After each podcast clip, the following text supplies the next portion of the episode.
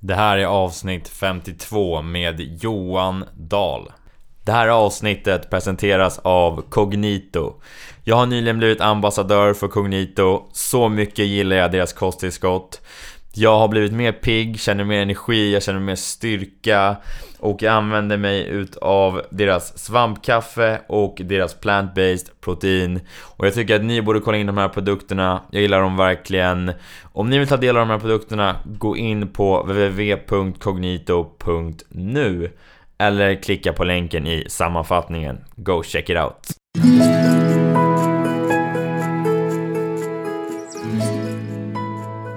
Välkommen till Bli din bästa version. Mitt namn är Kim Schultz, jag är en livsstilsentreprenör med ett stort brinnande intresse för sport och hälsa. Varje vecka kommer jag att ge er inspirerande personer eller meddelande för att låsa upp er inre bästa version. Nu kör vi! Välkommen till ett nytt avsnitt av Bli din bästa version. Idag har vi med oss föreläsaren, författaren och förbättraren. Så presenterar sig Johan Dahl. Entreprenören som har startat och drivit ett tiotal bolag i med och motgång. Som gått från framgångsrik entreprenör till självmordskandidat och sedan kommer tillbaka fast en helt annan slags framgång. Han brinner för att hjälpa människor och företag att växa och må bra. Och hans devis är Det är när människor mår bra som företag går bra. Den gillar jag verkligen. Hans favoritfärg är orange, vilket syns på många sätt. Inte minst genom det förbättringsarmband som han delar ut efter sina föreläsningar. Han är utsedd till Årets Mentor av Almi Företagspartner, Årets Rådgivare av Ung Företagsamhet och blivit nominerad till Stora Målpriset. Jonas har skrivit tre böcker, 21 tips för ett rikare liv, Sälj med hjärtat och 12 talares tankar om kommunikation. Där en av 12 talare och moderatorer som skrivit boken tillsammans. Idag har han efterfrågat föreläsare och coach inom försäljning, ledarskap, professionell och personlig utveckling och kan bidra till resultat som både känns i kroppen och som syns på sista raden. Han gör livet lite mer orange, helt enkelt. Idag pratar vi om vad Johan gjorde innan han var entreprenör, hur man kan kommunicera ut en vision så att människor följer den. Vi pratar om vad försäljning betyder för Johan, vilka nycklarna är för att man ska lyckas med sälj. Det vanligaste misstaget när det kommer till försäljning. Vi pratar om Johans nya föreläsning Ta det personligt. Att det är vi som designar och bestämmer över våra liv. Det är vi som tar ansvar och bestämmer hur vi vill leva. Hur Johan gick från självmordsbenägen till lycklig och tacksam. Utan vidare introduktion, här är Johan Dahl. Välkommen tillbaka till podden Bli din bästa version. Nu har jag med mig Johan Dahl. Välkommen! Tack så mycket, tack. Hur är läget? Läget är bra. Läget är bra? Varje dag ovan jord är en bra dag. Vad sa du? Varje dag ovan jord är en bra dag? Precis. ja, det, det låter som en bra dag ovan jord. Om man nu får välja. Ja, jo men exakt. Um, vad händer lite för dig just nu? Du är i Stockholm nu, men annars är du i Gävle, Göteborg igår, mycket resande. Vad... Ja, jag utgår från Gävle, bor i Gävle. Ja. Eh, jobbar över hela landet. Ja. Så att eh, SJ vet vem jag är. SJ? Du, du är stadig kund på SJ alltså? Jajamän. Ja. ja, häftigt. Uh, men du, du är entreprenör, driver eget, Mm, jobbar som coach, förbättring, håller föreläsningar. Men eh, hur kommer det sig att du, hur kom du in liksom till att starta eget? Eh, ja, den långa historien är att det började egentligen när jag var riktigt liten och satt framför TVn och kollade på amerikanska TV-serier. Och där fanns det ju advokater som var så skickliga på att eh, använda ordet, använda språket, pläderade i rättssalarna så här. Och de, de osade ju framgång någonstans och de lyckades ju hjälpa de svaga, skipa rättvisa och sådär. Och det här fascinerar mig grymt så att jag ville ju bli advokat. Eh, och började läsa juridik och sådär men det var ju galet långt. Och jag hade väl lite dåligt tålamod och höll på med så mycket annat vid sidan om skolan. Jag var engagerad i musik och elevråd och idrott och höll på med mycket. Jag upptäckte ganska snart att eh, jag hade rätt lätt att få med mig folk. Mm. Och det kan vara en bra egenskap om man nu får för sig att man vill göra affärer och sånt. Så att ganska tidigt så släppte jag juridikstudierna och valde entreprenörskap istället. Så jag startade företag. Mm. Kunde ju ingenting, men jag hade mycket energi och höga ambitioner så, och lite flyt så gick det ganska bra. Sen har jag hållit på med sånt. Jag har startat och drivit företag. Mm. Och eh, mest brunnit för det här mötet med kunden, människorna. Så service och försäljning och kundkommunikation och sen ledarskap då. Det är sådana här hjärtefrågor. Mm. Och nu när jag reflekterar lite över min, min karriär och sånt så kan jag inse att jag gör ju precis det idag som jag ville göra då när jag satt hemma i TV-soffan. Det vill säga jag använder ordet och språket för att, för att påverka människor och någonstans göra gott. Mm. Eh, Så att, ja, jag är inte advokat men jag har det bättre än så. du känner att du har hittat rätt liksom? Ja, absolut, absolut. Jag ville också bli advokat en gång i tiden, men eh, så blev det inte heller. Nu är jag också liksom nystartad entreprenör, jag tycker att det är jättekul liksom. Ja, det kanske är ett smartare val. Ja, exakt. Vem vet. Ja, men när du är inne på liksom att kommunicera och sådär, det tror jag liksom är väldigt viktigt för... Men vi säger liksom, hur tror du att man kan nå ut med typ en vision? Eh, Och få människor att tro på en liksom. Det är ju kommunikation, men hur, Mm. hur, har, hur har du gjort och hur tror du att man gör liksom? Oj, ja, det, den här podden är ju bara någon timme så det kanske inte får plats något, något bra svar. Men ja, vi, vi är känslovarelser allihop. Mm. Jag tror att utmaningen är att beröra. Hur hittar jag hela vägen fram till mottagaren så att det känns, så att det känns på riktigt. Mm. Eh, det går liksom inte att leva ett liv i Excel. Utan det är när vi möts, när det känns som det händer saker. Så det är väl kanske utmaningen med all kommunikation. Att nå Mm. hela vägen in. Mm. Så få beröra, alltså Ja. nå hjärtat till människor liksom. Ja. Är det då man tror att man, man får människor att följa en liksom? Är det då man... Ja, ja, det tror jag. Och sen vara en förebild. Och visa, hjälpa, hjälpa människor att se andra perspektiv och röra om lite grann i grytan. Det finns ju många verktyg och många sätt att göra det på. Men Mm. i slutändan så handlar det nog om att komma in på känslan Mm. och beröra. Mm. Så att det blir viktigt. Mm. Nej men det, jag tror också det, när man, får en känsla eller man blir inspirerad, och, då tror jag liksom att man... Då vill man ju följa med. Ja. Då, då vill man ju framåt. Men, Okej, jag vill följa den här personen eller liksom, jag vill göra de här grejerna. Det tror jag liksom är... Och jag tänker ett exempel. Har, har du sett Lyxfällan på TV? Absolut. Det, det är samma struktur i det programmet. Jag vet inte hur länge det har gått. Men, eh, och då tar man in Stefan och Mia som har en ekonomi i spillror. Och så frågar vi hur är det? Och då säger de nej det är inget bra.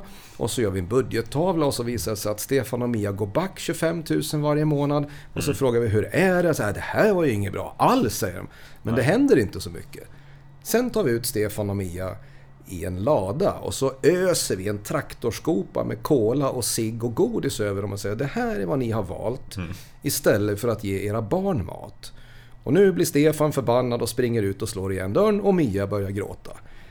Nu kan vi göra en förändring. Nu kan vi göra en förbättring. Nu kan vi göra en ny budgettavla och säga hur vill ni ha det då? Mm. Men innan vi har kommit ner på känslonivån så händer det inte så himla mycket. Ja, ja, det vet vi väl. Det är, det är ingen bra ekonomi. Så jag tror att det kanske är en bild av livet. Mm. Vi behöver kommas åt någonstans. så Få att det perspektiv känns- på det liksom. Så att det finns en motivation att faktiskt ändra på riktigt. Mm. Ja men det där, det var en bra, bra exempel på, Mm. på hur man kan ja, få ett nytt perspektiv och få bara, nu måste jag göra någon slags typ av förändring. Ehm, men hur kommer det sig att du blev, blev coach då? Liksom? Du är ändå coach och vill förbättra. Liksom, vad ligger det i mer? Ehm, ja, det vet jag nog inte riktigt. Ehm, försäljning för mig handlar ju väldigt mycket om att hjälpa. Mm. Eh, Och eftersom jag hållit på med försäljning i så många år på så många olika sätt så det här med att hjälpa blev viktigare och viktigare. Och jag har ju gått liksom alla utbildningar och kurser jag kommit över och för 15-16 år sedan så dök det upp en coachutbildning. Mm. Och då på den tiden så var ju coaching nästan bara förknippat med idrott.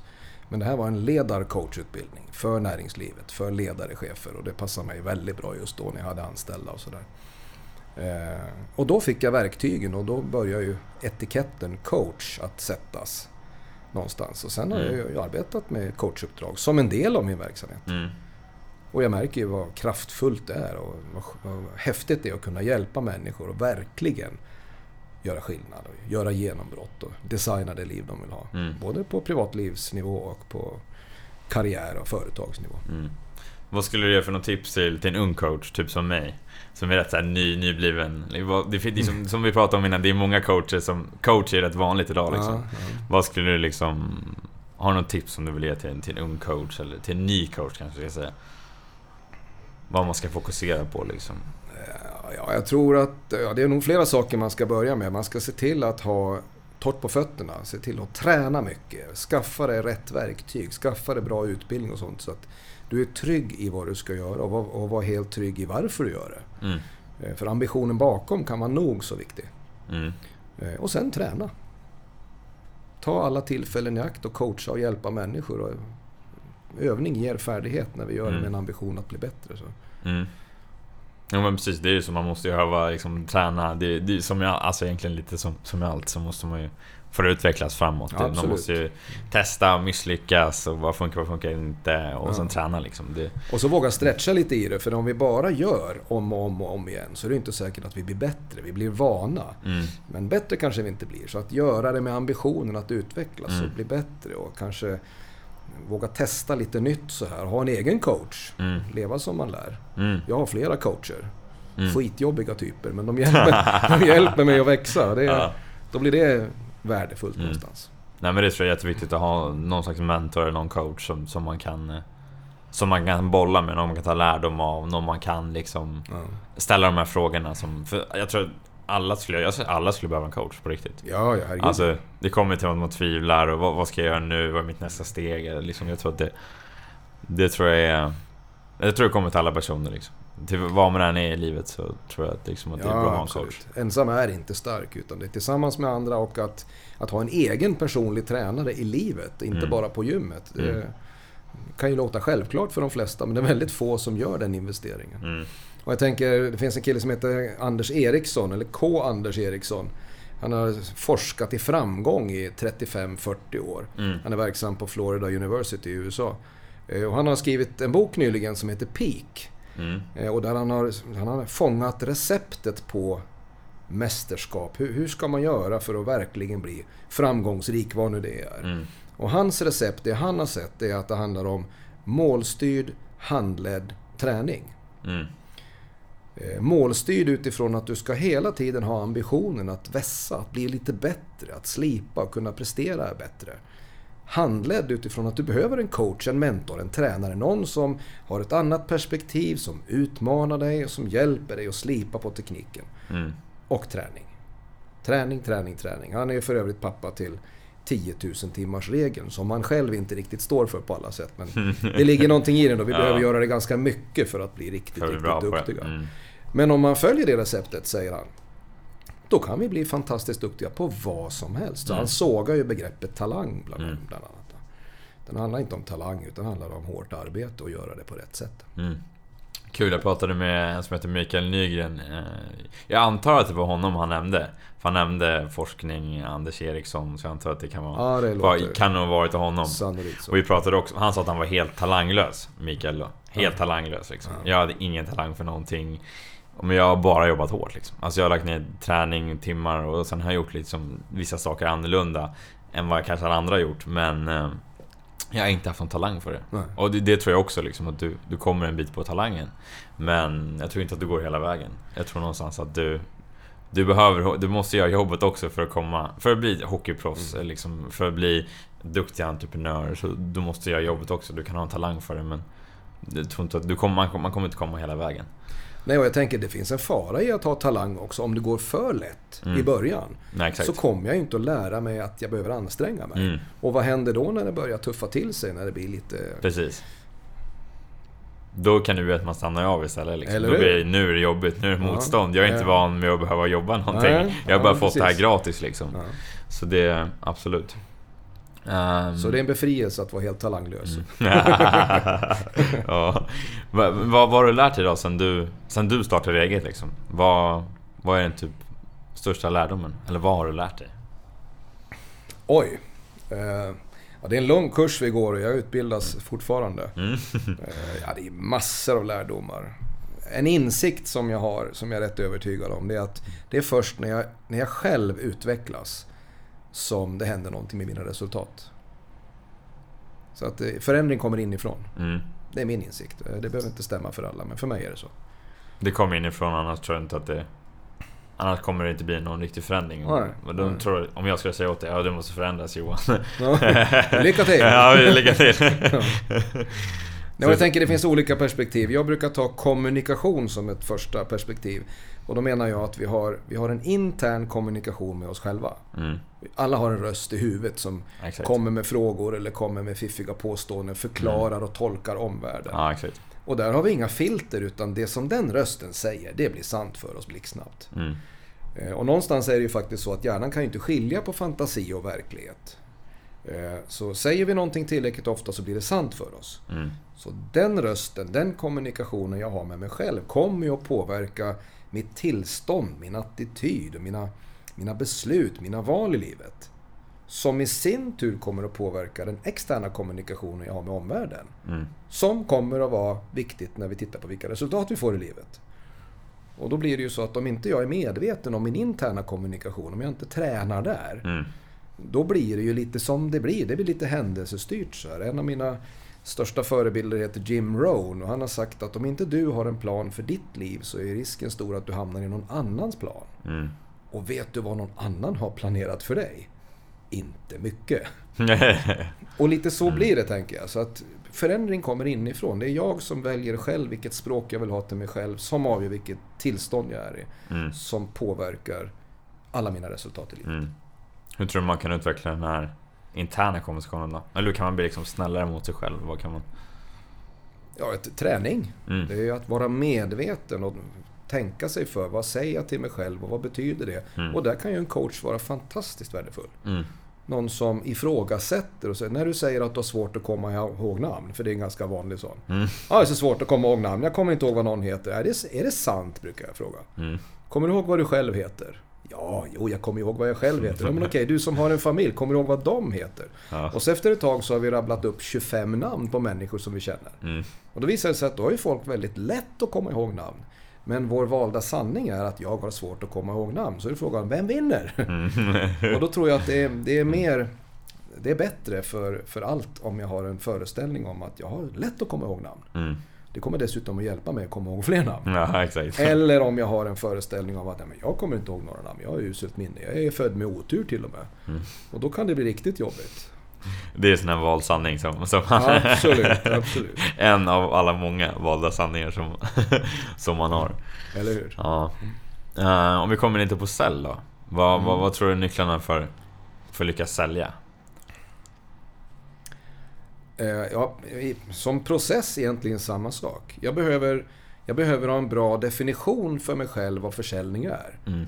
Jag coachar ju både ledare och säljare och sådana som, som har en negativ bild av försäljning. Mm. Ja, nej men jag är ingen säljare eller jag är ingen riktig säljartyp. Eller, den kanske inte är odelat negativ, men det finns negativa inslag. Mm. Jag vill inte uppfattas som gåpåig eller tjatig eller någon sån där gammal bilnasare. Eller man använder ord som kränga och nasa och sådär. Mm. Och bara den lilla ingrediensen påverkar min attityd och mitt tillstånd och hur jag kommer att agera när jag, när jag talar med en kund. Och där tänker jag att det behöver vara rent. Jag behöver vara väldigt trygg och säker i att det här som jag håller på med nu, det tror jag på. Mm. Jag står för det och jag tror att det är bra för dig. Det här är någonting som jag vill erbjuda dig för att hjälpa dig. När jag kan göra det fullt ut så kommer det bli helt andra resultat. Än om jag säger, ja fast jag är ingen säljartyp och du kan väl fundera lite grann och egentligen inte och så sänker vi priset och snälla, schysst. Och så blir det något annat. Mm. Eh, Så för, för att svara på din fråga, även här börjar det med min egen kommunikation med mig själv. Vad är det jag står för? Vad är det jag tror på? Mm. Man brukar ta exemplet, nu är det snart val. Eh, om vi leker med tanken att du sympatiserar med ett parti som är väldigt långt åt ena hållet politiskt sett. Mm. Och så får du ett uppdrag att värva röster till ett parti som är på andra sidan. Hur lätt skulle det gå? Svårt. Den blir tuff Den någonstans. blir tuff, ja. Och det är lite det det handlar om. Att se till att vara trygg i att nej, men det här som jag står för, det är bra. Mm. Sen kanske du inte tycker om det eller köper det. Fine. Men jag behöver tro på det. Om Mm. inte jag tror på det, hur ska jag kunna överföra den tron till dig? Mm. Nej, det, det blir rätt svårt. Om man inte tror på produkten eller tjänsten själv liksom, då blir det väldigt svårt att, förmedla. Kanske finns en del politiker som borde lyssna på den här podden. Jag ja, det kanske borde finnas några faktiskt. Ja, men vad tror du liksom är det största misstaget man gör när det kommer till sälj? Att man inte är eh, genuin med sig själv. Att man sätter på sig någon, eh, någon hatt. Man, man kliver in i en roll som inte är helt genuin. Mm. Kongruent är ett sånt ord så att, eh, att allting ska lira, allting ska gå åt samma håll. Och ofta så möter jag det hos, hos säljare som ja, men de, de känns inte äkta, de är inte kongruenta. Mm. De säger någonting som de tror är bra för att de ska sälja, men de står inte för det hela vägen in i, i själen. Så att mm. Det tror jag är det vanligaste misstaget. Man krånglar till det, man gör sälj till någonting konstigt. Jag får ofta den, den kommentaren både från de jag coachar och när jag föreläser. Åh, vad skönt med någon som gör det enkelt. Mm. Nu fick jag en mycket enklare bild av vad försäljning är. Det här var inte så krångligt. Nej, det är inte så krångligt. Att sälja är att hjälpa, punkt. Mm. Sen kan vi träna på tekniken. Mm. Ja, men, men grunden behöver finnas där och det är inget konstigt. Vi, mm. vi tycker om att hjälpa människor. Vad tror du är skillnaden då för någon, för någon säljare som går sådär till någon som är riktigt, riktigt bra? Ja, jag gissar att det mest sitter i den egna inställningen. Mm. Det är vad jag ser i alla fall. Sen är det svårt att mäta det här. För ja. Det är alltid på någon slags skala där vi glider. Det är ju sällan helt svartvitt. Men jag har hjälpt många, många säljare att mångdubbla sina resultat just när vi har landat i att är det här någonting du tror på? Är det här någonting du står för? Och så får vi lite grann programmera om etiketten sälj. Vad, vad är sälj för dig? Mm. Så att vi slutar tänka, ja men jag är ingen säljartyp och börjar tänka, jag kan, jag kan hjälpa hela världen. För det här är så bra och det mm. här, jag står för det här. Mm. Ja, det är en stor skillnad. Ja, verkligen. verkligen. Har, har du någon så här deal som du skulle vilja typ så här prata om? Någon deal som var så här ett stor deal eller något som du har gjort så här liksom. Det här var men en rolig story som du har eller liksom som är rätt... Ja men... Ja, vad ska vi hitta på då då? Jag vet inte om jag kommer på någon på rak arm. Jag har många stories. Nej, men jag kan ju ta ur ett annat perspektiv, mera ur säljcoachens perspektiv, för det är en del av det jag gör. Mm. Eh, och det jag kan hjälpa kunder med. Så jag fick en förfrågan här för något år sedan. Det var ett företag där man hade en säljare som jobbade mot företagsmarknaden. Erfaren, skicklig, presterade väldigt bra resultat. Eh, och det var den här relationssäljaren som lyfte luren och sa “Tjena, det är jag. Ska vi ta en lunch?” mm. Återkommande kunder och ganska stora affärer. Så, det tickade på och gick väldigt bra. Eh, och sen blev det här företaget uppköpt, eller gick samman med ett annat bolag. Och då var det någon högre upp i organisationen som bestämde att nu ska vi göra om lite grann på affärsområden och sånt. Så den här säljaren fick en ny utmaning och det var att kontakta nya kunder.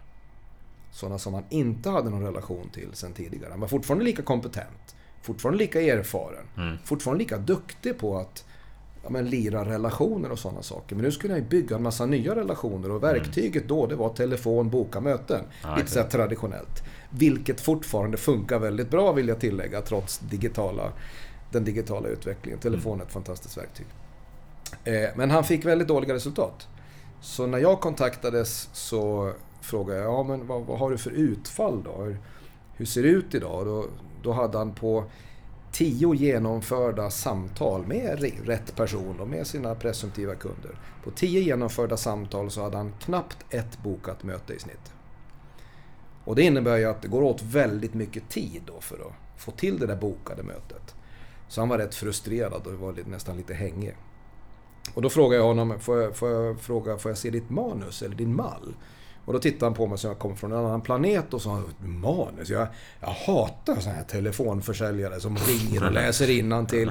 Ja, ja, 17 fine, sa jag det. Men ett manus ska man ju inte ha för att läsa till. Ett manus, det har ju ett proffs för att lära sig utan till. Mm. Som om jag är skådespelare eller filmstjärna eller artist eller vad det är. Då ser jag ju till att träna in det jag ska säga i förväg. Så att när jag väl står på scenen så kan jag ta det med känsla, i dialog och samspel med mm. publiken. Eh, så att vi ska bygga ett manus som handlar om dina stolpar så att du väljer dina ord. Så mm. tränar vi på det. Så att inte du behöver tänka på vad kunden säger. Eller förlåt, tänka på vad du själv ska säga. Mm. Utan ha fokus på vad kunden ska säga. Och det köpte han då. Så att vi la två halvdagar. På att utifrån en given struktur då sätta frågor och presentationsord, stickord så här. Mm. Och efter två halvdagar, lite träning, så gick han från strax under ett bokat möte på tio samtal till över fem bokade möten på tio samtal. Det är, det är en bra skillnad alltså. Ja, och. Det, det är ganska liten insats i sammanhanget också. Och då är ju också min spaning att de flesta som jobbar med kundkommunikation eller försäljning eller uppsökande verksamhet, de har inte ens en mall. De utgår inte från någon mall. Nej, Liksom det. de kör. Liksom. Mm. De kör från höften. Jag har erfarenhet, jag har gjort det här förut. Och så låter det olika varenda gång. Mm. Och jag är inblandad i många sammanhang där det är olika nätverk och så här. Och vid konferenser och olika forum där jag föreläser så är det alltid en massa presentationer och man ska skaka hand. Och så, vem är du och vad gör du? Mm. Och det låter ju olika varje gång.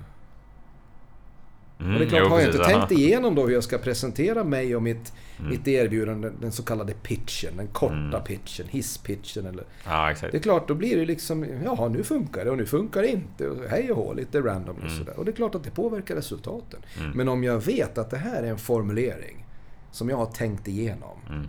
och det finns en struktur, då kan jag ju vara trygg i det. Mm. Och fokusera mer på vad händer hos mottagaren när jag säger så här. Och det kan vara skillnad som dag och natt. Mm. Det blir en annan trygghet, det blir mer... Ja men då är det mer genomarbetat tänker jag. Alltså Ja, ja, visst. liksom... Ja, ja. Och plus som du säger, Mm. trygghet. Ja, men jag kan ju Mm. känna mig trygg i det här. Mm. Och den signalen skickar ju på något slags omedvetet plan. Mm. Här kommer en kille eller en tjej som känns trygg och säker. Mm. Wow! Stabilt. Mm. Det här känns bra att kunna göra affärer med. Istället för någon som står och famlar mellan orden och försöker få ihop någonting som ska låta lite käckt. Sådär. Mm. Så det brukar inte hålla speciellt långt. Så här finns det att göra. Ja. Ehm, ja men kul, kul, kul story. Ehm, jag tänkte, hur viktigt tror du har relationer då? När det kommer till typ försäljning eller bygga affärer liksom. Hur, viktigt tror du har? Viktigare och viktigare. Mm. Vi är människor. Eh, Affärer görs av människor. Vi är riktigt duktiga på att utveckla digitala kommunikationskanaler och olika sätt att systematisera och, och frikoppla människan. Vilket gör att vi blir ännu viktigare i förmågan att ha relationer. Mm. Det är, min, det är min gissning. Jag är helt övertygad. Men Det är Mm. min gissning. Så du, bygger, du försöker bygga relationer Ja. hela tiden liksom? ja, men vi mår bra tillsammans med människor. Vi är flockdjur. Mm. Ja men Vi- precis. Och då ska vi använda det, tänker jag. Mm. Absolut. Eh, jag tänker, du är nu aktuell med din nya föreläsning. Uh, Låt det bli personligt, eller hur? Ta det Ta det personligt, inte Ja, låt det bli... Ta det personligt, sorry. Ja, stämmer. Eh, kan du inte berätta lite om den? Ja, den har växt fram under åren. Mm. Eh, och, och bottnar sig egentligen i att jag, jag ofta upplever att vi tar inte livet riktigt personligt. Vi tar inte riktigt på allvar. Vi går runt i någon slags mellanmjölkens lagom sta, st, st, tillstånd hela tiden. Eh, så jag vill slå ett slag för att ta det personligt. Eh, ett uttryck som ofta dyker upp det är ju ta det inte personligt. Mm. Och ambitionen med det uttrycket tror jag det är väl mest att skilja på sak och person. Så, och så långt kan jag väl tycka att det är sunt. Men det kan också bli det här att nej, men vi duckar lite grann. Vi undviker misstag och vi vill liksom vi inte utsätta oss för risken att exponeras och sådär. Men kom igen, vi har ett liv. Mm. Eh, Så jag har byggt den här, det är både ett mindset för mig och en föreläsning. Och jag har byggt föreläsningen på tre hörnstenar. Den första är personligt ledarskap. Mm. Där jag menar att vi är alla ledare. Vi är ledare i våra egna liv. Åter en gång Jim Rohns. Om inte du har en plan för ditt liv så kommer du hamna i någon annans plan. Mm. Och det är inte så mycket planerat för dig. Se till att du har en plan för ditt liv, som du har valt. Eh, Sen är vi ju förebilder och ledare på många sätt. Som föräldrar eller vänner eller familjemedlemmar eller på jobbet, vad det nu kan vara. Eh, Och då gäller det att tänka till. Vad vill jag stå för? Vad vill jag att omvärlden ska uppfatta för signaler? Mm. Vad vill jag ska hända? Och hur kan jag genom mitt personliga ledarskap bli, bli trygg och sann i det? Eh, Den andra delen handlar om personligt ansvar. Ta det på riktigt, ta det på allvar. Mm. Jag vet inte hur många människor jag får träffa som coach som säger ja, jag, jag har drömmar och jag har mål. Ja, vad har du gjort åt det då? Ja, jag är ingenting. Det blir, det, vi stannar där ibland. Va? Det blir jobbigt. Då. Ja, men vad mer är nytt? Vi har ett liv. Ska vi Mm. inte designa det och ta ansvar för att göra det vi kan i alla fall? Mm. Eh, det finns en kvinna som heter Bronnie Ware. Hon har jobbat med palliativ vård, sjuksköterska. Då. Suttit på sängkanter hos människor i livets slutskede. Och efter ett tag så började hon höra mönster. Och människor sa ofta samma sak, det här de ångrade på dödsbädden. Och några utav kärn, eh, kärnkommentarerna här, det var alltså Jag ångrar eh, att jag inte levde det liv jag själv ville. Utan jag levde ett liv som jag trodde att andra förväntade sig av mig. Mm. Och då tänker jag, då har man inte riktigt tagit personligt ansvar. Mm. Och designa sitt eget liv. Det är inte personligt ledarskap hela vägen. så. En annan sak som Bronnie Ware ofta hörde, det var att eh, jag har inte tillåtit mig själv att vara lycklig. Vilket konstigt val, tänker jag. Men Ja. det är nog många som kan känna igen sig i det. Ja, För vi safear lite grann och så kör vi lagom sådär. exakt. Eh, En del ångrade, alla män visade sig i den här, hennes forskning då, eller hennes studie. Alla män sa jag ångrar att jag jobbade så mycket. Alla män. Alla sa det? 100, 100 procent. Oj. Det är ju rätt stor... 100% säger Ja, att det är jag- rätt många. Ja, exakt. Men det är ganska intressant också. Men var, var, varför gör vi så? Mm. Och det fanns ett antal, det fanns, jag tror det var fem stycken sådana här nycklar hon fann då. Mm. Men alla de här nycklarna för mig handlar om personligt ansvar. Mm. Du har ett liv. Och du har möjlighet, jag menar vi i Sverige, i västvärlden, vi lever ju... Vi ska ju vakna med ett skutt tacksamma varje dag. Vi lever i den bästa av världar. Så går vi runt och gnäller och skyller på omständigheter, att vi inte tar tag i saker. Mm. Ja, jag har inte tid, är det många som säger. Vadå har inte tid? Du har ju lika mycket tid som alla andra, 24 timmar. Snacka om jämlik resurs. Mm. Men vi har inte tid att träna, vi har inte tid att umgås med nära och kära. Vi har inte tid att jobba för våra drömmar eller vad det nu är. Mm. Men vi har tid att titta på TV 3 timmar och 20 minuter varje dag. Det lär vara snittet i Sverige. 3 timmar och 20 minuter, det har vi tid med. Ja. Och det är inte bara kvalitetsprogram. Om vi säger så. Nej, jag, Jag kan gå inte. ganska långt i det här och nämna en, en bunt olika TV-program, men vi, vi stannar där. Ja. Så jag menar, vi gör väldigt mycket mest för förströelse och så skyller vi på tiden när vi inte tar tag i saker. Mm. Så, mm, köper inte riktigt det. Det är personligt ansvar för mig. Mm. Eh, och sen den tredje byggstenen i föreläsningen, det är personlig, personlig framgång. Mm. Och det finns säkert lika många definitioner av framgång som det finns människor. Så ta då ansvar för din egen definition av framgång. Vad är ditt liv när det är framgångsrikt? Hur ser det ut? Hur designar du det? Så vad är framgång för dig och vad gör du för att uppnå det? Mm. Ja, jag gillar det. det. Det är mycket lite av det som jag också vill, vill förmedla ut liksom. Mm. Alltså det, du har ju du har ett liv att leva. Du har chansen att forma ett eget liv. Mm. Men det finns ingen annan som... Du, det är du som skriver din historia. Vad vill du Ja, göra? ja. Vilka ska du umgås med? Vad ska du jobba med? Var ska du bo någonstans? Alltså det, är- det är ju ingen annan än du själv som bestämmer det. Nej, Och sen gäller det ju att hitta verktygen och, och sen kan det ta lite längre tid än för vissa liksom. Eh, så, men det, jag gillar det verkligen, alltså den, den grejen liksom. Personligt, ja, jag gillar det verkligen. Kul. När, när sätter det igång liksom? När, när är planen? Ja, jag provtrycker den några gånger här före sommaren. Så Ja. lansering i augusti. Ja, Mm. ja men kul. Du har ju också bytt från, eller bytt vet jag inte, men du, säger, du, du är orange nu ser vi. Du har Ja. orange armband på dig, så att du har en orange liten duk där i Ja, kavajen. precis. Ja. så hur kommer det sig? Eh, Ja, jag startade ju den här verksamheten 2003 och då behövde man en logotyp. Och då bara fick jag för mig att jag ville ha orange till logotypen. Mm. Och gjorde väl ingen större analys utav det, men det kändes bra. Eh, Och sen har det blivit mer och mer orange och sen har jag även frågat och tagit reda på lite mer om vad står orange för egentligen? Och vad, vad är det människor runt omkring mig förknippar med orange? Mm. Eh, och de vanligaste svaren de är energi och kreativitet. Och det är precis det jag tycker det handlar om. Jag, är en, eh, jag ser mig som en katalysator som tillför mer orange till människors liv. Mm. Jag stoppar in mer energi, vitamininjektion eh, och får dem att tänka nytt. Mm. Du, du har ju helt, valt helt rätt då. Ja, det känns så. Och sen som av en tillfällighet så är apelsiner klyftiga också, men det är mer en bonus. ja, det var klyftigt. um, men hur, kom det liksom, om vi, om vi tar mer till, um, jag tänker på du, förb- förbättring med, liksom, med föreläsningar och Mm. um, hur liksom, hur, hur tror du att man gör där då? Alltså för, för att motivera eller för att inspirera människor. Typ ledarskap pratar vi om. Uh, Hur, hur tänker du där liksom? Ehm, jag, jag ser det som en trestegsprocess. Där steg ett, det handlar om insikter. Eh, vi har fullt upp med att ha fullt upp. Mm.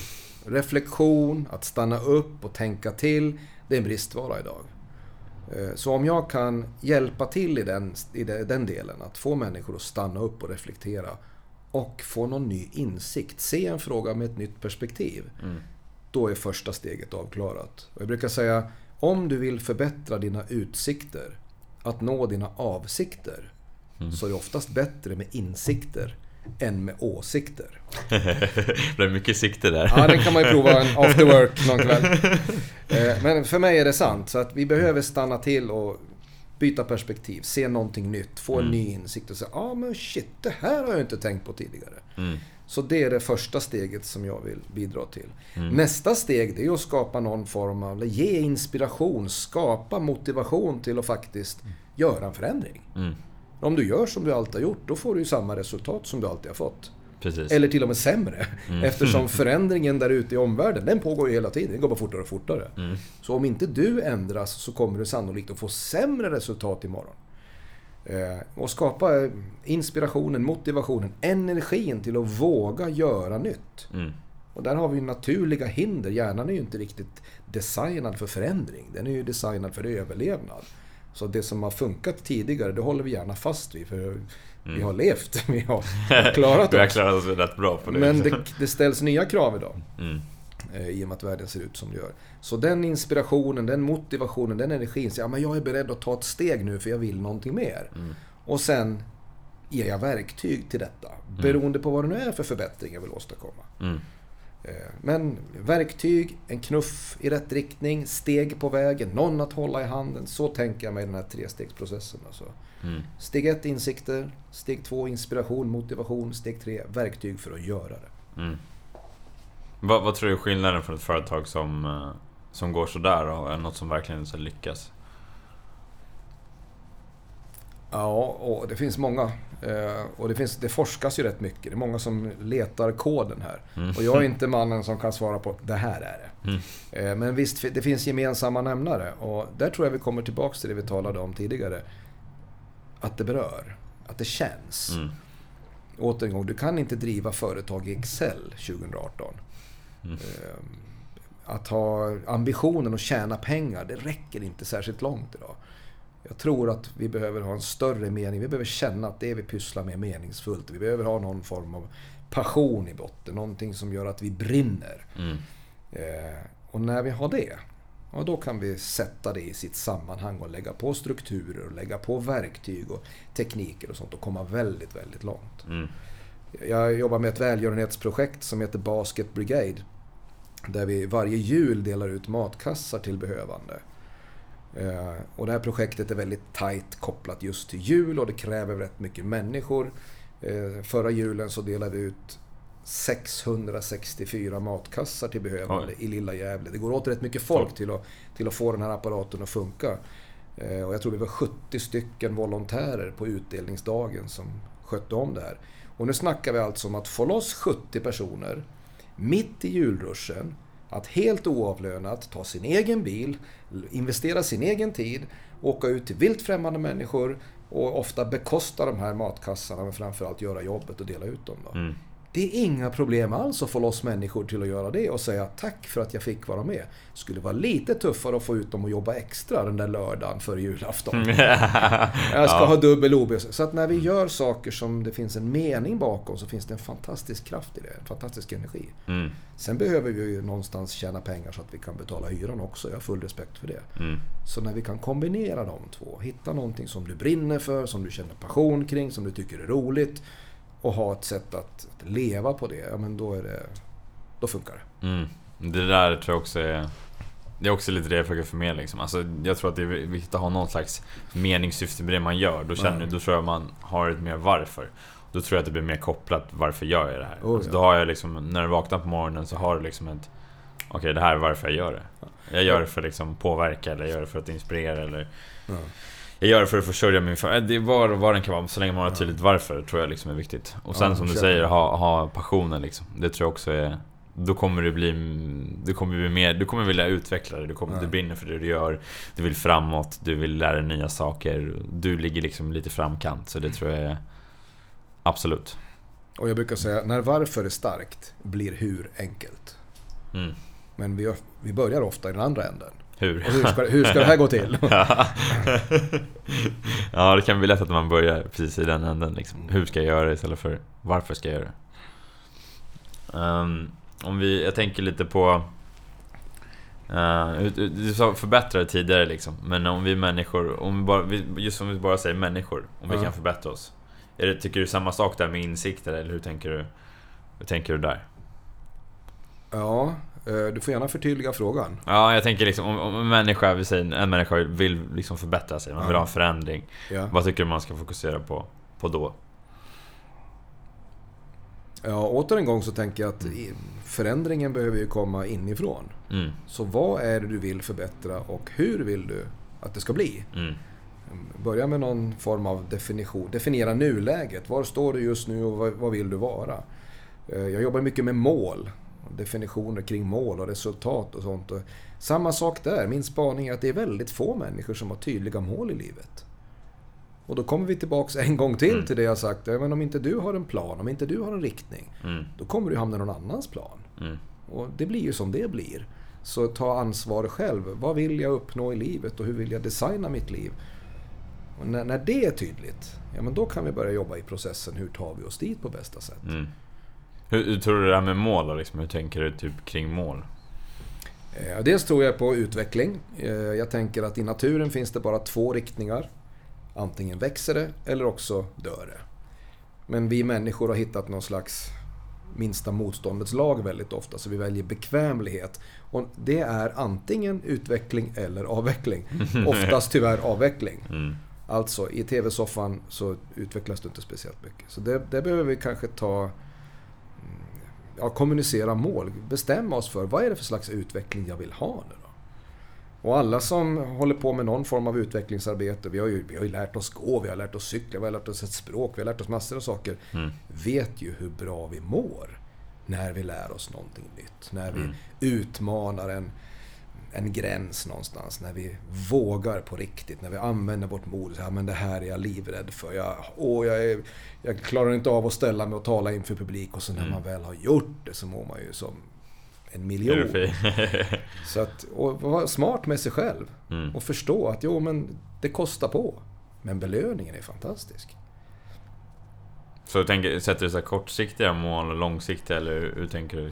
Ja, hjärnan är ju konstruerad så att den frigör ju må bra-hormon när vi sätter mål och når dem. Mm, Så någonstans bara ur ett välmående perspektiv så kan det vara smart att sätta massor av små mål hela tiden. mm, Idag ska jag städa garaget. Yes, jag gjorde det. mm. Grym där. Eh, idag ska jag gå och handla. så, så det mår vi bra av.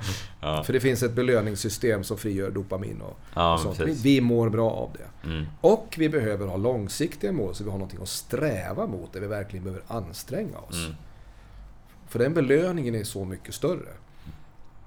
Och det finns en risk i att när vi bara, om vi bara koncentrerar oss på små lätta mål så blir det snarare ett beroende. Jag tänker på sociala medier idag och sånt. Man, mm, vi strävar efter att ha flest antal gilla-klick och lite sånt. mm, När det blir för mycket, när det tar upp för stor del av vårt belöningssystem så blir det snarare ett beroende som vi inte mår bra av. ja, Däremot att bestämma oss för att nej, men nu ska jag anlägga en ny gräsmatta. Alltså. Det är ett riktigt projekt som, mm, som vi mår bättre av. Vi gör det under, in- inom en annan ram. Så, att säga. Så där, bara därför tror jag att det är bra att sätta mål och ha en strävan och en ambition. Mm. Ja, men det tror jag också att man har... Um, alltså just som med sociala medier, där blir det så här fel dopamin som man vill ha. Man vill ha följare och man vill... Mm. Man kollar vad alla andra gör och man jämför sig med andra. Det tror jag kan bli... Eller det är rätt problematiskt skulle jag säga. Bevisligen är det Ja. problematiskt. Ja, men precis. Eh, Jag tänkte på just... eh, hur har du utvecklat ditt mindset skulle jag säga? Hur, liksom hur... Ja, ständig träning. Ständig träning. Ja. Jo men så är det. Det är färskvara. Det är ständig träning. Jag har ju brottats, brottats med en obalans mellan min självkänsla och mitt självförtroende. mm. Självkänsla utifrån definitionen mitt upplevda värde av den jag är. Mm. Och självförtroende utifrån definitionen mitt upplevda värde av mina prestationer, alltså det jag kan. Mm. Och jag har nog alltid haft ett starkt självförtroende. Eh, varit driven av det. Mycket handlingskraft och så här, gör och prestera. Och jag lärde mig det tidigt när mina föräldrar gav mig en klapp på axeln och sa Bra betyg Johan. Det var mitt sätt att få poäng när jag växte upp. Mm. Eh, men jag tränade aldrig på självkänslan. Och fick inte så mycket extern träning på det heller. Jag fick sällan kramar bara för att jag var bra. Utan jag fick eh, som sagt en klapp på axeln när jag gjorde någonting bra. Mm. Och, och blir det obalans i det här så blir det lite, det blir lite skört. Eh, och till exempel om vi tar, tillbaks det till arenan försäljning. Så om jag har en, ett starkt självförtroende men en svag självkänsla så kan jag ju ge sken av att vara väldigt kompetent och pådrivande och framåt. Och en sån där vinnarskalle. Kan ju vara det första intrycket då. Men under det så finns det inte så mycket substans. Så någonstans kanske jag gör det här för att jag behöver få bekräftelse. Och då börjar jag göra affärer för min skull istället för för kundens skull. Ja, och redan, då är vi liksom på fel planhalva någonstans. Medans om jag har en stark självkänsla. Jag är trygg i mig själv och nu gör jag, jag erbjuder dig Kim det här därför att jag tror att det här är grymt bra för dig. Mm. Och om du säger nej till mig så är det så. Jag är fortfarande världens bästa Johan. Då kan jag hantera det på ett annat sätt och du kommer sannolikt att känna en annan trygghet bakom också. Och kunna lita på att Johan kommer att stå där som leverantör och hålla i även om någonting skiter sig. Mm. Och inte bara fiska efter affären. Eh, och som sagt, jag hade den här obalansen och har verkligen fått träna på det. Mm. Träna upp min självkänsla för att vara trygg i mig själv, för att stå på egna ben. Och jag märker ibland när jag slarvar med träningen, så det är som en vanlig fysisk träning. Mm. Så börjar musklerna försvagas direkt. Och så på det igen bara, fortsätta träna. Så det, det är en livsstil. Mm. Men hur Jag tränar, tränar, jag tränar varje dag. hur tränar du det då? Alltså om vi säger så här, självkänslan, hur? Ja, det är kommunikation med mig själv. Jag gör listor, skriver dagböcker. Mm. Eh, tänker på hur jag ställer frågor till mig själv. Jag ställde en fråga för många år sedan, väldigt ofta, som löd Vad är det för fel på dig Johan? Ställer jag den frågan tillräckligt ofta så ser jag vad som är fel. Jag fokuserar på mina fel, jag fokuserar på mina brister. Och blir jag riktigt bra på det så tror hjärnan till slut att det bara är fel och brister. Och då kan jag utveckla en depression, vilket jag gjorde. Och till slut så vill jag ta livet av mig. Oj. Så det är starkt. Det är, åter en gång, hjärnan har inte det där filtret riktigt att sortera mellan fantasi och verklighet. Så jag var övertygad om att jag var värdelös. Så hände det naturligtvis en massa saker i, i omvärlden som jag hittade bevis för att jag var värdelös. Jag gjorde en konkurs och Mm. en relation som gick omkull och sådär. Eh, Men då fick jag hjälp av en kurator som heter Hardy. Jag är honom evigt tacksam och han sa Du ska prova nya frågor. Prova den här frågan istället. Vad är det som är bra med dig? Mm. Och jag minns att de första gångerna jag ställde frågan så fick jag inga svar alls. För jag var så dåligt tränad på att ställa den frågan. Men Hardy gav sig inte så han stod på och sa Fortsätt, vad är det som är bra med dig? Vad är det som är bra med dig? Till slut så kröp det väl fram något lite, ja jag är ju snäll i alla fall. Ja men då har vi något att börja med. Mm. Och sen har jag ställt den frågan i 15 år. Och idag har jag inga problem att göra en lista på 100 grejer som är bra med mig. Inte bara som jag är bra på. För det är självförtroende. Utan som är bra med mig. Egenskaper, värderingar. Vad det nu kan vara. Ja. Eh, Och det gör en väldig skillnad. För mig har jag gjort hela skillnaden. Jag gick från deprimerad och självmordsbenägen till ja, glad och lycklig och tacksam varje dag. Det är ett mindset. Det är, skillnad, det är en träningssak. Jag gick från att vara skuldsatt och helt utan både sig inkomst eller tillgångar eller pengar. Jag lånade pengar av min dotter för att betala hyran. Mm. Och kände mig väldigt liten i det. Till att idag inte faktiskt behöva titta på prislapp någon gång. Så. Ehm, Och jag gick från att känna mig utanför och ensam till att känna att jag verkligen tillhör har massor av goda relationer både privat och på jobbet. Och allting handlar egentligen om min inre kommunikation med mig själv. Kvaliteten på mina frågor. Jag brukar säga att kvaliteten på min kommunikation avgör kvaliteten på mitt liv och det gäller för dig också. Mm.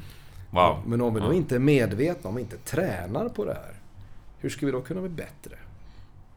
Och då kan det antingen vara så, så fånigt som att nej, men jag har så svårt att komma ihåg namn, Mm. till hur värdefull är jag egentligen i livet? Mm. Ja, det där gillar jag verkligen. Jag kan känna igen mig också i själva grejen med dålig självkänsla och lite bättre självförtroende. Uh, just jag fick finna i mina tonår. Um, blev deprimerad. Frågan jag ställde mig var liksom, jag ser inte riktigt bra ut. Nej. Det var liksom min, min sida på det liksom. Um, och det var den frågan jag ställde mig hela tiden. Uh, slutade med att jag gick ut på, på krogen, drack för mycket, försökte rymma från mina känslor, jag vågade inte prata ut om hur jag kände. Um, så det där känner jag absolut igen mig ifrån liksom. Uh, och sen vågade, eller sen, sen vågade jag till tala ut om det liksom. Och, uh, och sen ställde jag mig själv frågorna liksom. Vem är jag? Vad vill jag göra? Vad är jag bra på? Du bytte frågor alltså? Exakt, ja, jag bytte grymt. frågor. Grymt. Ja. Så det där kan jag verkligen känna igen mig. Vilka frågor tycker du folk borde ställa sig då? Ja, det beror lite på var, var man är, tänker jag, i livet och vad jag vill ha mer av. Jag byter ju mina frågor ibland. Några frågor som alltid är med det är Vad är bra med mig? Vad är bra med den här dagen? Vad är jag tacksam för? Vad är jag glad för? Vilka människor berikar mitt liv? Och vilka människor vill jag berika livet för? Eh, och sen ställer jag också riktningsfrågor, målfrågor kallar jag dem. Det vill säga, hur vill jag vakna imorgon? Vad vill jag sätta för plus i universum imorgon? Mm. Vad vill jag åstadkomma? Och så har jag ett antal mål då som jag formulerar för mig själv väldigt tydligt och säger mm. jag är på väg mot det här. Hur kan jag komma lite närmare imorgon? Mm. Men sen kan det vara så att en tid så upplevde jag att det var för lite kul i mitt liv. Och då tänkte jag, då stoppa in den frågan också. Så en av frågorna då lät så här. Vad har varit kul idag? Mm. Och det är klart, fokuserar jag på det så kommer jag upptäcka flera saker som har varit kul och så efter ett tag så blir det mer kul. Mm. Och så några veckor senare så är listan av kulsaker proppfull i den här mm. dagboken. Så att man, man, får välja sina frågor beroende på vad man vill ha mer utav, tänker jag. Mm. Men några sådana kör jag som standard då. Mm. Bra idag, bra med mig. Tacksam för. Mm. Vad vill jag ha hjälp med? Vad har jag för riktning? Hur, hur kan jag göra för att nå det här, det här målet? Mm. ett mål i fokus till exempel.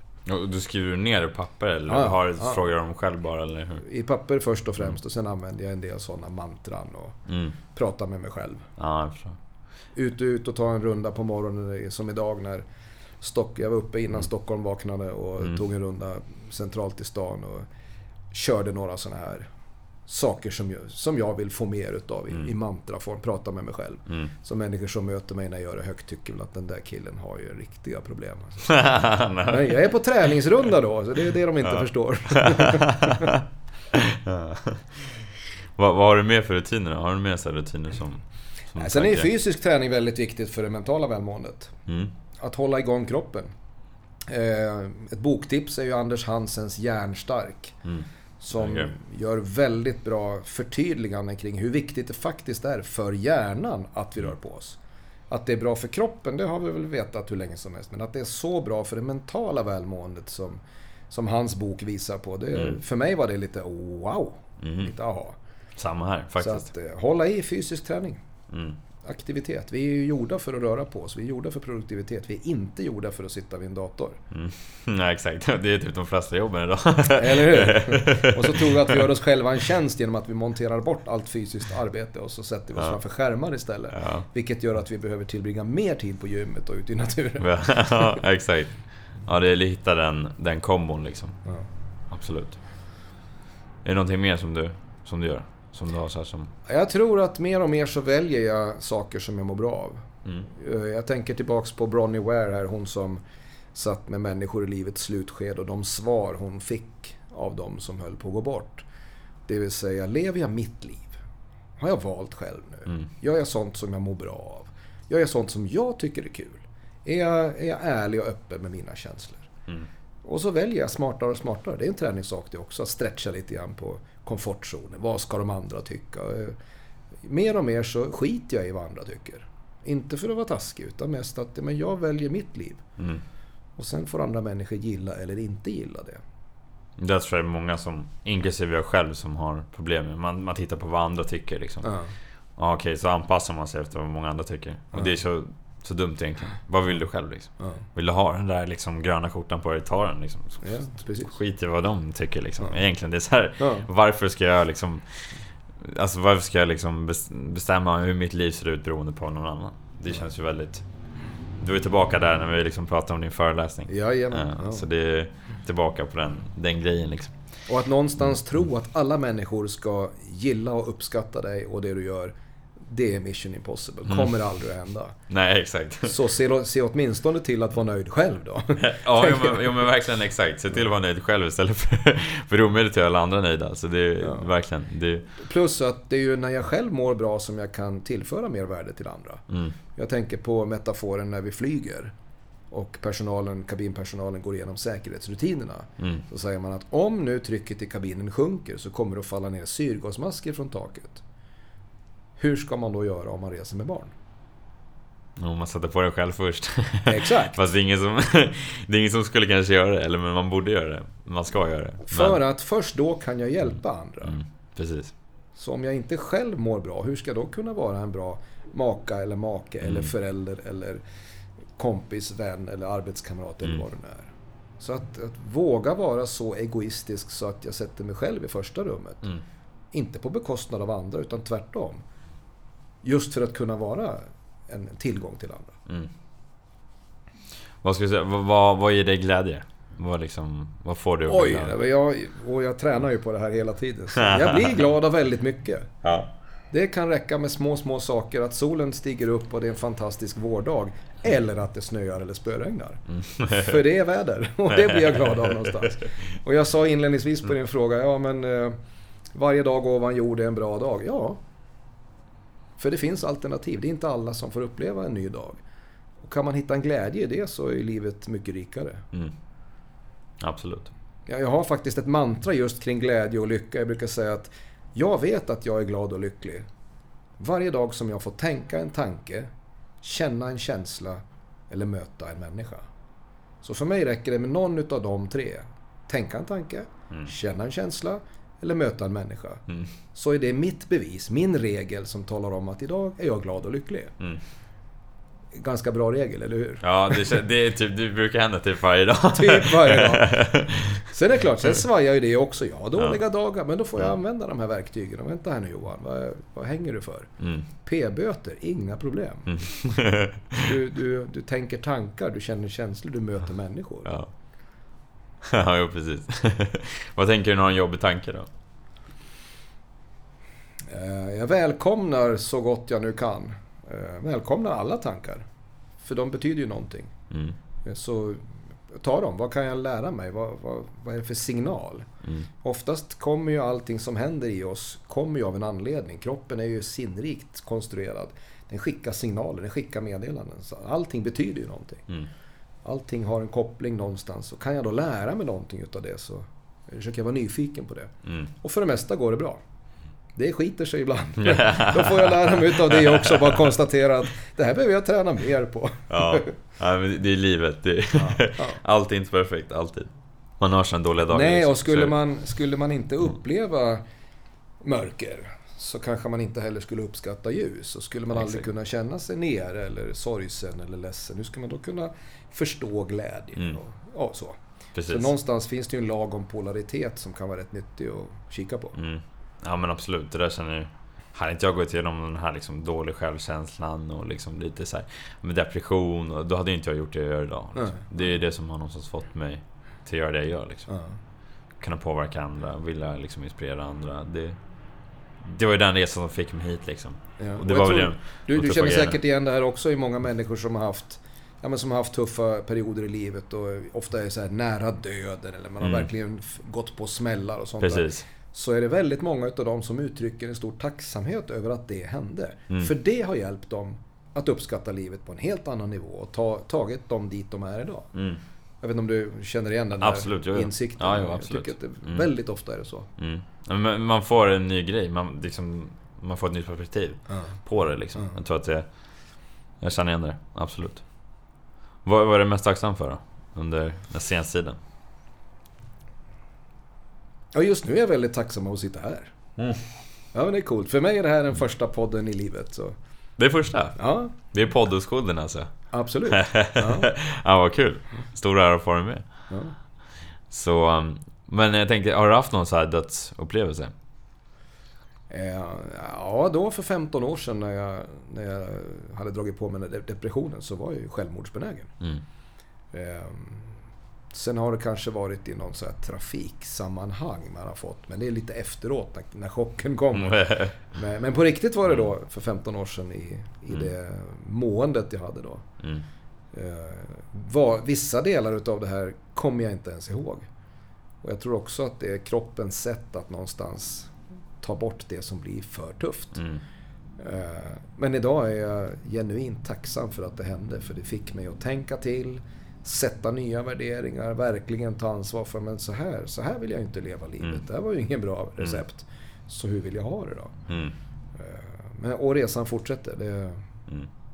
Men det är, också, det är då man bygger sin karaktär, när man går igenom tuffa grejer. Det är då man får nya insikter, man, man tänker om. Liksom. Det, det händer nya grejer.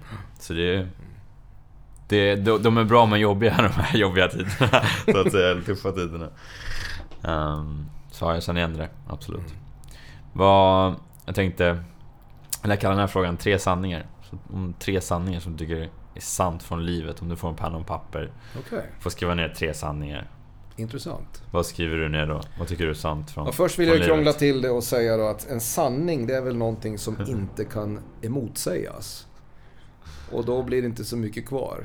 Så en sanning får ju bli en vald sanning någonstans. Att, ja, för mig är det här sant. Eh, för mig är det sant att det är när människor mår bra som företag går bra. Det är en sanning för mig. För mig är det också en sanning att eh, var och en så har vi förmågan, möjligheten och jag skulle vilja säga skyldigheten att designa livet precis som vi vill. Um, tredje sanning. Det, det, handlar inte om hur vi har det, det handlar om hur vi tar det. Det handlar inte om hur vi har det, det handlar om hur vi tar det. Ja. Vad sa du sen? Och sen var det... Uh... Det är när människor mår bra ja, som företag som går, går bra. bra. Eh, ett eget ansvar att designa livet så ja, som vi vill leva det. Ja, ja jag gillar dem. Ja. Det, det är lite... Nu fick jag, det, nu fick det, en ny idé. Vi kanske ska ge ut en bok här med 101 sanningar om livet. 101 sanningar om livet. ja, det vore ju kul. 101 sanningar om livet. Ja, måste man fundera ett tag bara. Mm. Vilka det är. Eller, Eller som, som är för en själv i alla fall. Ja, ja det har varit kul. Nej men det är lite det vi har snackat om idag ju. Alltså ta eget ansvar. Ja, ja. Uh, designa ditt eget liv, det är du som bestämmer. Så det är mycket... Det blir en röd tråd känner jag. Ja, det är mycket ja, du har varit inne på. Um, vilken sak är med dig som människor inte vet om som skulle någonstans förvåna dem? De som, de som känner dig säger vi då. Vad, vad skulle liksom förvåna dem som de inte vet om om dig? Ja, de som inte känner mig riktigt nära, de skulle nog förvånas över att jag egentligen är ganska introvert. Det är så? Ja, föreläsare ser Man kan ju tro att alla föreläsare är väldigt extroverta och mm. Gillar verkligen sin egen röst och så, stå på scenen och sånt där. Ja, absolut, jag mm. gillar min egen röst och jag gillar att stå på scen. Men ambitionen med det, det handlar snarare om publiken. Mm. Jag står inte på scenen för min egen skull riktigt. Jag står på scenen för deras skull. Mm. Jag har någonting viktigt att komma med, ett viktigt budskap. Eh, jag är med i Talarföreningen i Sverige. Vi har en branschorganisation sedan några år. Vi som är professionella talare och moderatorer. Mm. Och eh, jag fick en sån insikt på en av de första julfesterna jag var på. Du kan ju tänka dig vilket kackel det är när man samlar ihop en 50-100 professionella föreläsare. Det pratas en hel del. Och jag kom på där mitt i alltihop att här står jag alldeles tyst och lyssnar in. Mm. Och spanar på folk och känner in och sådär och sa inte ett jota. Så, ja. Eh, så det tror jag en del skulle förvånas lite grann över. Att, eller upptäcka mig i olika sammanhang och säga att mm. men, varför, varför, säger han inte så mycket? så du, du, är mer introvert än vad folk tror? Ja, det mm. tror jag. Det är mer min roll som gör att jag är mm. mer extrovert och ut. Och jag gillar ju mm. kommunikation, jag gillar att påverkas. Mm. Så det är inte så. Men har jag inget vettigt att säga, då, då är det ganska tyst. Mm. ja, men det är smart. Vad tänker du? Så här, mer föreläsningar? Um, hur, hur liksom förbereder du för något sånt? En föreläsning? Um, väldigt mycket ett mindset. Att komma i rätt tillstånd. Så, jag, så mycket det går vill jag läsa på vem som är publiken. Mm. Vilka sitter i publiken? Vad är det, vad är det min uppdragsgivare, uppdragsgivare vill ha ut av av min föreläsning. Mm. Och det kan ju vara olika saker. Mm. Den som bokar föreläsaren kan ju ha en ambition med föreläsningen. Medan de som sitter i publiken har en annan förväntan. Mm. Så det, det gäller att sy ihop det. Sen har jag ett antal, eh, dels ett antal teman. Jag, jag talar ju både om personligt ansvar i den här nya då, ta det personligt. Men jag pratar ju mycket försäljning, kundbemötande, jag pratar service, jag pratar ledarskap. Allting hänger ihop någonstans. Eh, Och då har jag ett antal färdiga föreläsningar inom de ramarna som jag sen alltid gör om beroende på vem som är publiken Mm. och vilka önskemål det finns. Så det är jag har ju inte gjort två exakt likadana föreläsningar någon gång. Det har aldrig varit två exakt Förlåt. likadana. Det har aldrig varit två exakt likadana Nej, nej, alltså. nej. nej. Inledningen, avslutningen, de Mm. kan ofta vara identiska. Men Mm. allting däremellan, det, är, det ser väldigt olika ut. Beroende på, På publik. känna in Mm. och följa med publiken och sånt Mm. där. Så att jag förbereder ganska mycket eh, mentalt, tillståndsmässigt. Om formatet så tillåter så brukar jag ofta ställa frågan också när jag inleder föreläsningen. Vad vill ni ha ut utav den här föreläsningen? Mm. Eh, Och det kommer ju ofta önskemål och sånt där. Och så försöker jag följa det så mycket det någonsin bara går och så stämma av det med slutet. Ja, era önskemål var det här. Mm. Nu har jag pratat i en timme. Mm. Vad tycker ni? Vad har ni fått med er? Ja. Eh, Och det brukar vara uppskattat. ja. Och att det finns en följsamhet i det här. Och jag, Mm. med, med alla mina år och erfarenheter så har jag ju en sjö av erfarenheter och historier och saker att Mm. ösa ur. Så det brukar gå att sätta det ganska Mm. ja, men det tror jag är viktigt. Utgå från publikens eller kundens perspektiv. Liksom. Vad, Ja. vad vill de ha? Och sen min egen mentala förberedelse, förutom att vara i rätt tillstånd, det är också att föreställa mig. Hur ska det se ut när det är klart? Hur kommer jag att känna? Vad är det publiken kommer att säga? Vad är det jag ser och hör och känner Mm. när jag går av scenen? För det blir en- en bra målbild för mig att ha som jag kan jämföra sen någonstans. Jag har ju, blev det så här? Och Mm. I utvärdering och sånt. Vad säger publiken? Var det det jag ville att de skulle uppleva? Mm. Så, så det är väl lite grann konceptet runt hur jag jobbar. Mm. Som ändå tydlighet känner jag liksom. Mycket tydlighet. Alltså vad, vad du vill och vilken Ja, riktning liksom. Mm. Ja, häftigt. Ehm, är det någonting jag borde fråga dig? Som jag inte har frågat? Eh, ja, nej. Det, för borde du ha frågat det så hade du ju redan frågat ja. det. ja, ja, någon som du tycker att jag borde frågat? Finns det Ja. en fråga du funderar över? Nej, det vet jag inte. Ehm, om du fick ställa de tre sista frågorna till mig, vilka tre frågor skulle det bli då? De tre sista frågorna. Vad, vad menar du med tre sista? De tre sista frågorna från dig till mig, Ja, här och nu. här och nu. De tre Mm. sista. Eh, Vilka frågor vill du ha svar på? jag tror jag har frågat de flesta. jag, tror att det blir, jag tror att jag har frågat egentligen allting som jag Som jag vill. Det kanske är någonting annat men eh, Nej. Då får vi ta det i nästa podd. Ja, vi, vi tar det i nästa podd. Vi, kom, vi tar den sista frågan då. Vad tycker du man är när man är sin, sin bästa version av sig själv? Hur är man då? Eh, Jag tror att man ska ta det på hur man känner sig, hur man mår. Mm. Säga, när jag känner mig lugn och, och trygg och laddad. Någon form av energi, någon riktning sådär, men ändå säker och, och jordad. Då är jag nog min bästa version av mig själv. Återigen, kongruens. Alla delarna behöver lira ihop åt samma håll. Mm. Då tror jag man är... Jag tror man kan känna in det någonstans i sig själv. Det har du. Tack så mycket för att du var med. Tack för att jag fick vara med. Tack.